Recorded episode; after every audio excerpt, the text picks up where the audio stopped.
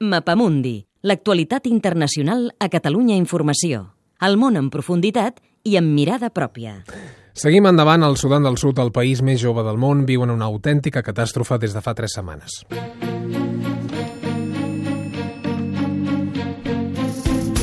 Els enfrontaments entre els Dinka, la tribu del president Salva Kiir, i els Nuer, el grup del seu rival i exvicepresident del país, Riek Machar, van començar a mitjans de desembre. I would like to inform our people and the world Els rebels han conquerit algunes zones importants, incloses capitals de províncies petrolíferes, però l'exèrcit, com sentíem, ha fet contínues crides a la calma i la tranquil·litat.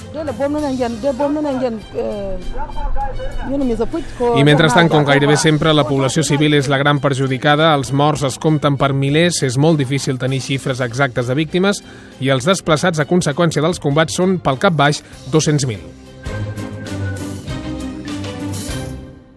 Parlem del Sudan del Sud amb Ignacio Gutiérrez de Teherán, professor titular del Departament d'Àrab de la Universitat Autónoma de Madrid, expert en el Sudán. Señor Gutiérrez de Teherán, buena tarde, muy buenas tardes. Buena tarde, muy buenas tardes. A- aclaremos antes de nada el fondo, el, el porqué de estos combates, porque se habla de rivalidades étnicas que seguramente existen, pero al final probablemente se trata de, del control de recursos naturales, en este caso petróleo, ¿no? Más que el control de los recursos naturales es el control directo del poder y sobre todo es una lucha oligárquica entre dos personalidades y el, colchón o la corte de, gente que lo rodea, que son por un lado el vicepresidente o el presidente Salva Kiir y el que era su vicepresidente Rock Machar. Entonces todo esto con un fondo, un telón de fondo de detrás del control de los recursos petrolíferos y que se deriva, según los casos, en una contienda tribal, puesto que los dos pertenecen a, la- a los dos grandes grupos tribales del país. Pero es ante todo, desde mi punto de vista, una lucha que podríamos llamar oligárquica dentro de la élite de poder del sur de Sudán. Mm, Sudán del Sur es un país joven, el más joven del mundo, de hecho, apenas dos años y medio. Cuando se proclamó la independencia, ¿era previsible que pudiera ocurrir esto? Sí, e incluso ya muchos lo dijimos que se trataba de un proceso de, de secesión o de independencia que no iba a arreglar los problemas interelitistas dentro de la cúpula no solo del Ejército de Liberación del Sur de Sudán o del Frente Político, que era quien encabezó este tipo de maniobra política que, que desembocó en la independencia, sino entre todos los aliados de diversas tribus y facciones políticas que habían colaborado en todo este proceso. Y efectivamente lo que ha venido después, a pesar de que hay una especie de democracia más o menos incipiente, incide en la línea de que se mantienen los viejos hábitos de antes de la independencia cuando persistía la lucha entre el sur y el gobierno autoritario del norte, es decir, un frente popular de liberación que estaba dominado por una élite que ha intentado perpetuarse y seguir con los viejos hábitos en, la- en el periodo de independencia. Y al final se ha producido este choque o este conflicto interno dentro de este grupo de poder. Mm, Usted ha hablado al principio de tres luchas, la, la del poder, el- de una oligarquía, la del petróleo y la, y la étnica. Eh, una pregunta sobre esta última. ¿Quiénes son los dinkas, quiénes son los nuer? Los dinka los del presidente, los nuer del, los del ex vicepresidente, los dos rivales. Sí, los dinkas son la población mayoritaria en el sur de Sudán. Es el grupo étnico que ha dado el mayor número, por tanto, de dirigentes y de combatientes en las filas de los grupos rebeldes desde los años 50, que es cuando empiezan las primeras movilizaciones armadas contra el gobierno de Jartum en el norte, hasta 2011, que es cuando se produce el referéndum.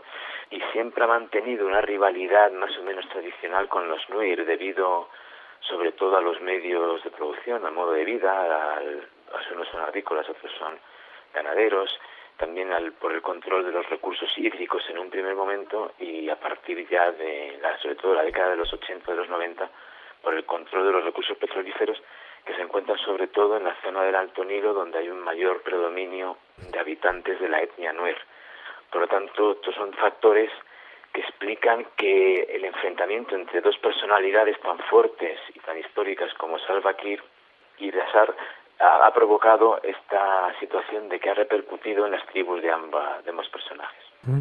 Hay una iniciativa diplomática de los países de la zona de África Oriental, de Kenia, de Etiopía.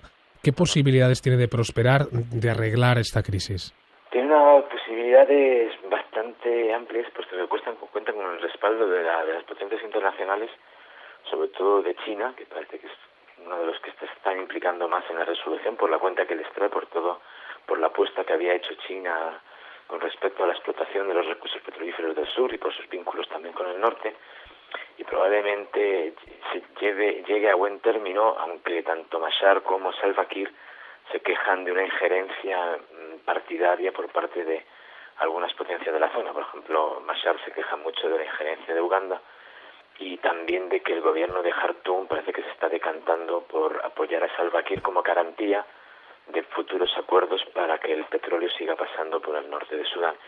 Pero yo creo que en realidad lo que desea tanto uno como otro es mantener su cuota de poder y yo creo que por lo que hace a Mashar probablemente si se, si se le da algún tipo de participación, nueva participación en lo que es el, la cuota de poder en el sur de Sudán, probablemente accederá a un tipo de acuerdo. Mientras tanto, mientras se negocia en Addis Abeba, como podrán ver fácilmente, siguen los combates siempre en la línea de conseguir victorias militares para fortalecer la postura de unos y otros en la zona de negociaciones.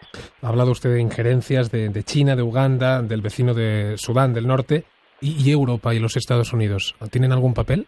Estados Unidos mm, parece ser que tiene una postura más bien de intentar hallar un, hallar un acuerdo entre los dos, entre los dos grandes grupos y, y favorecer la, la, estabilidad del sur de Sudán. Pero no hay una estrategia clara en ese sentido y, y desde luego creo que hay una especie como de distanciamiento más o menos calculado sobre lo que está ocurriendo en, situ y más bien se deja a dos países aliados como Uganda y sobre todo Etiopía que dirijan un poco la cuestión y que vayan viendo lo que ocurre.